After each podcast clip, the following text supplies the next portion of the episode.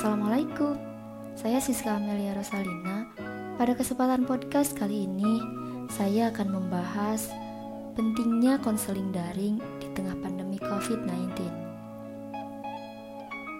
Teman, hampir tiga bulan kita berperang dengan pandemi global COVID-19. Berbagai krisis tentu akan jadi dampak dari pandemi ini.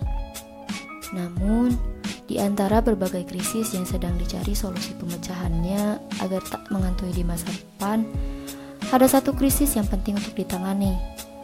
Ya, krisis tersebut ialah krisis yang berangkat dari kesehatan mental. Pandemi COVID-19 menjelma teror bagi banyak orang, sampai-sampai menimbulkan paranoid massal.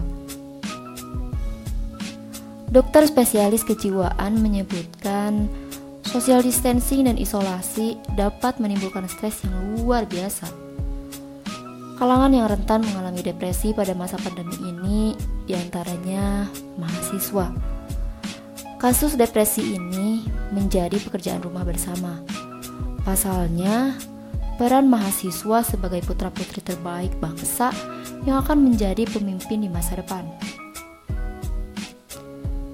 Tidak terdiagnosanya gejala kesehatan mental bahkan sudah terjadi jauh sebelum COVID-19 menerpa Indonesia.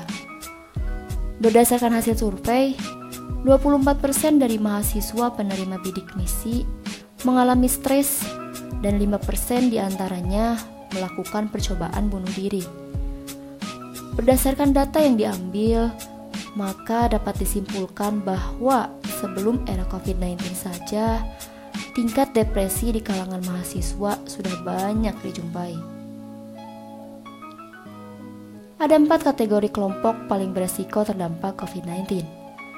Keempat kategori umum meliputi usia muda, usia lanjut, pemberi layanan terhadap pasien COVID-19, dan orang yang sudah punya gangguan jiwa sebelumnya.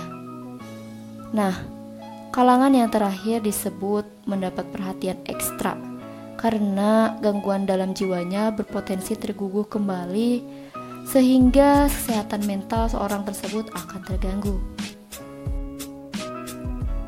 Dalam pelaksanaan konseling daring, konselor hendaknya dapat memanfaatkan dan memaksimalkan penggunaan teknologi, terutama media sosial yang ada sebagai wadah, seperti WhatsApp, Telegram, Facebook, Instagram, Zoom, dan lain-lain.